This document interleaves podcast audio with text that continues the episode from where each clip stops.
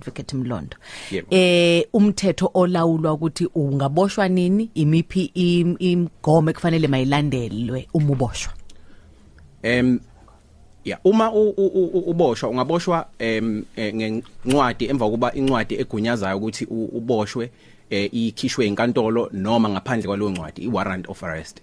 Em isikhathi esiningi eh, aba amaphoyisa abomthetho eh baye be uma bekubopha baye becophelela ukuthi bathole i- i i- warrant of arrest before bakubophe. Kodwa zikhona ikhathi la abavumeleke khona ukuthi bakubophe ngaphandle kwe warrant eh lolo hlalolo yilolo olingaphansi kuka section 40 eh olishoyo ukuthi ungaboshwa nini. Eh ngizokwenza ilokhuzana i- i- i- isibonelo njengokuthi uma ucommit i offense ebizwa nge schedule 1 offense em u- i- u- abomthetho bayakwazi ukuthi bakubambe eh, ngaphandle kwe warrant mhm. I- ibe yini ke leyo schedule 1 offense? Eh ama schedule 1 offense eh a- a- atholakala u- uhla lwama offenses akwi criminal procedure act.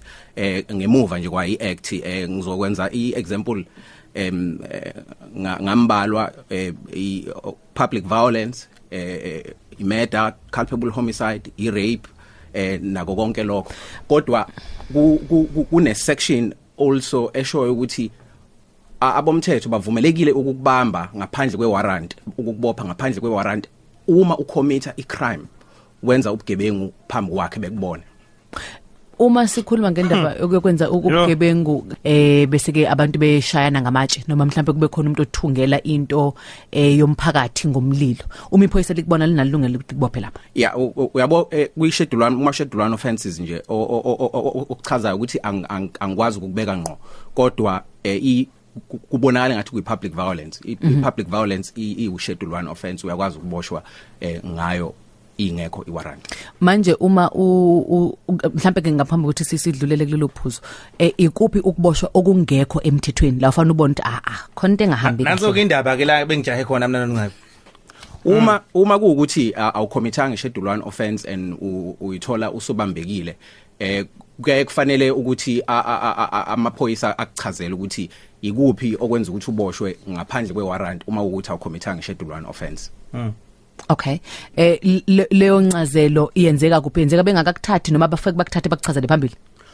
Em okay. Umthetho okokuqala uthi uma uboshwa ake sichaze ukuboshwa nje. Uma uboshwa ila khona i- iphoyisa lifike likutshela ukuthi eh, tjatha eh uyaboshwa manje you are under arrest bakufundele amalungelo akho ukuthi em u- u- unelungelo lokuthi u- u- you have a right to remain silent ukuthi Okay. u- ungakhulumi un- unelungelo lokuthi uthola ummeli uma unganayo ummeli i- i- i- i- Uhulumeni i- uzokunikeza. uhulumeni uzokunikeza Yeah. u- u- u- u- i- uzokunikeza ummeli em bese u- u- u- bayakubamba ke bakuvalela kusukela ngaleso sikhathi leso iarrest isi i- yenzekile Okay. eh ok- ok- okulandela lapho ke ukuthi i- i- ibikhona ni warrant noma cha uma kuukuthi eh ak- akusiyi schedule 1 offense and eh, eh, akungeni under u- u- u section 40 eh ukuthi u- u- u- kuvumelekile yini ukuthi u- ubanjwe ngaphandle kwe warrant then u- u- umuntu uyakwazi ukuchallenge lokho ukuthi eh kahle kahle ngiboshwe ngaphandle kwe warrant uma Kwe-warrant. uma u- u- eh, ibe warrant kufanele bekhona kodwa kuyenzeka umuntu aboshwe i- i- incwadi egunyazayo ukuthi aboshwe ingekho. Kuyenzeka ukuthi aboshwe. Njengoba bese ngeke ngasho ku- kufanele kube uhla olu ngaphansi ka section 40 and eh o- o- ngeke ngasho amacala amaningi akhona a- a- a- afola under ulokhuzana u u- schedule 1 mhlawumbe ngale kokuboshwa ng- asithi mhlawumbe uyaboshwa ke kusemthethweni ukuboshwa kwakhe khona iwarrant of arrest. Kodwa zikhona izinto ezingenzeka kuloko kuboshwa kwakho zona ezingekho emthethweni yize uboshwa ngokusemthethweni? Ya eh ku- ku- kuyenzeka kwesinye isikhathi eh ukuthi u- u- u- um- umthetho em u- u- u- uyaye u- u- uya u- u- okay uma sibheka nje ke kwenzeka ukuthi umuntu uthola ukuthi uboshiwe uboshwe ngokusemthethweni kodwa uyithuka eseshayeka em eh, eh, noma ehlukumezeka nge- nge- ngenye indlela. Umthetho akuvumi lokho umthetho uthi kufanele utrithwe ngedignity ngesigqi sobuntu uma ngisho ngathiwa uyaboshwa so uma kukhona into eyenzekayo engekho emthethweni engahambisani nokuvikeleka kwamalungelo akho lokho kusuke kungasekho emthethweni ngisho kuthiwa iarrest ikhona emthethweni. Ma- mawusu u- usufika ke phambili ikuphi ekufanele ukulindele? Uthathiwe manje amaphoyisa la nifika khona. Ikuphi okufanele ukulindela angazi mhlawumbe i- iyangqo yini le we- wekhathide uyibeka kahle impela noncebo ya u- ukuthi l- l- l- ma- mangifika phambili nakho kungafanele kwenzeke. Nakho kufanele kwenzeke. Yebo.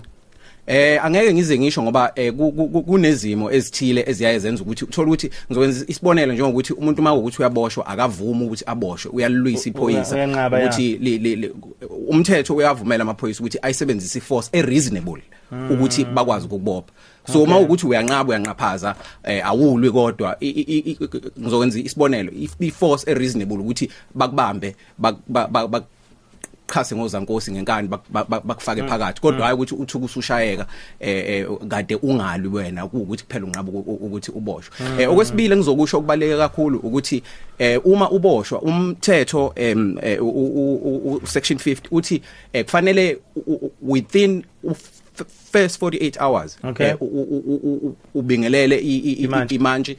noma ijaji ukuze ukwazi ukuthi uapplyele ibail.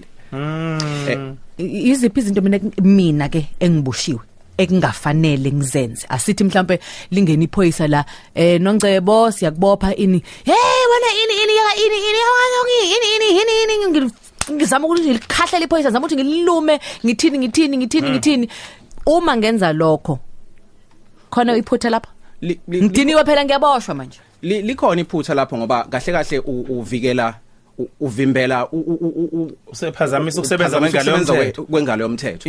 Eh uma kuukuthi eh, eh, ngoba nawe namalungelo akho uma kuukuthi kunecala eh, eli- elilethiwe kuwena uzoba naso isikhathi sokuthi Ulwisane nalo- ulwisane nalelo cala lelo. Okay. uma kuukuthi eh u- u- u- u- umuntu womthetho iphoyisa ligunyaziwe ukuthi lize lizokubamba akufanele ukuthi ul- ulivimbele ngoba kahle kahle kwakona uku- uku- uku- ukulokhuzana ukuboshwa uyakwazi ukuthi uma usutholile ukuthi uyafuneka uyilethe wena. Lokho kubizwa eh, ngo ngo- cooperation ukuthi Okay. uyabambisana nabomthetho kulungile mfowethu hayi Siyabonga. kuzwakala kahle kakhulu advocate sibonga kakhulu ukuthi bena sohlangana ngesonto elizayo.